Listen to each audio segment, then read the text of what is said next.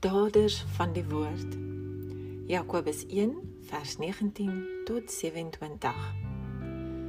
So dan my geliefde broeders, elke mens moet gou wees om te hoor, stadig om te praat, stadig om toornig te word.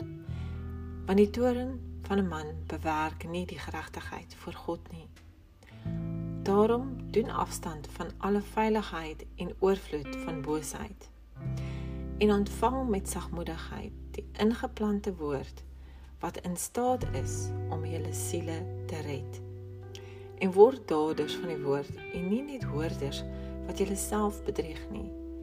Want as iemand 'n hoorder van die woord is en nie 'n dader nie, die is soos 'n man wat sy natuurlike gesig in 'n spieël sien.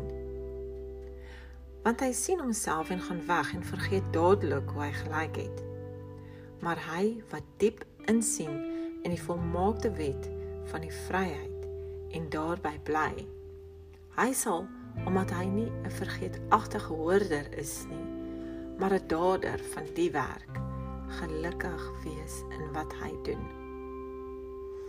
As iemand onder julle meen dat hy godsdienstig is en sy tong nie in toom hou nie maar sy hart mislei die godsdiens van hierdie man is ter vergeefs.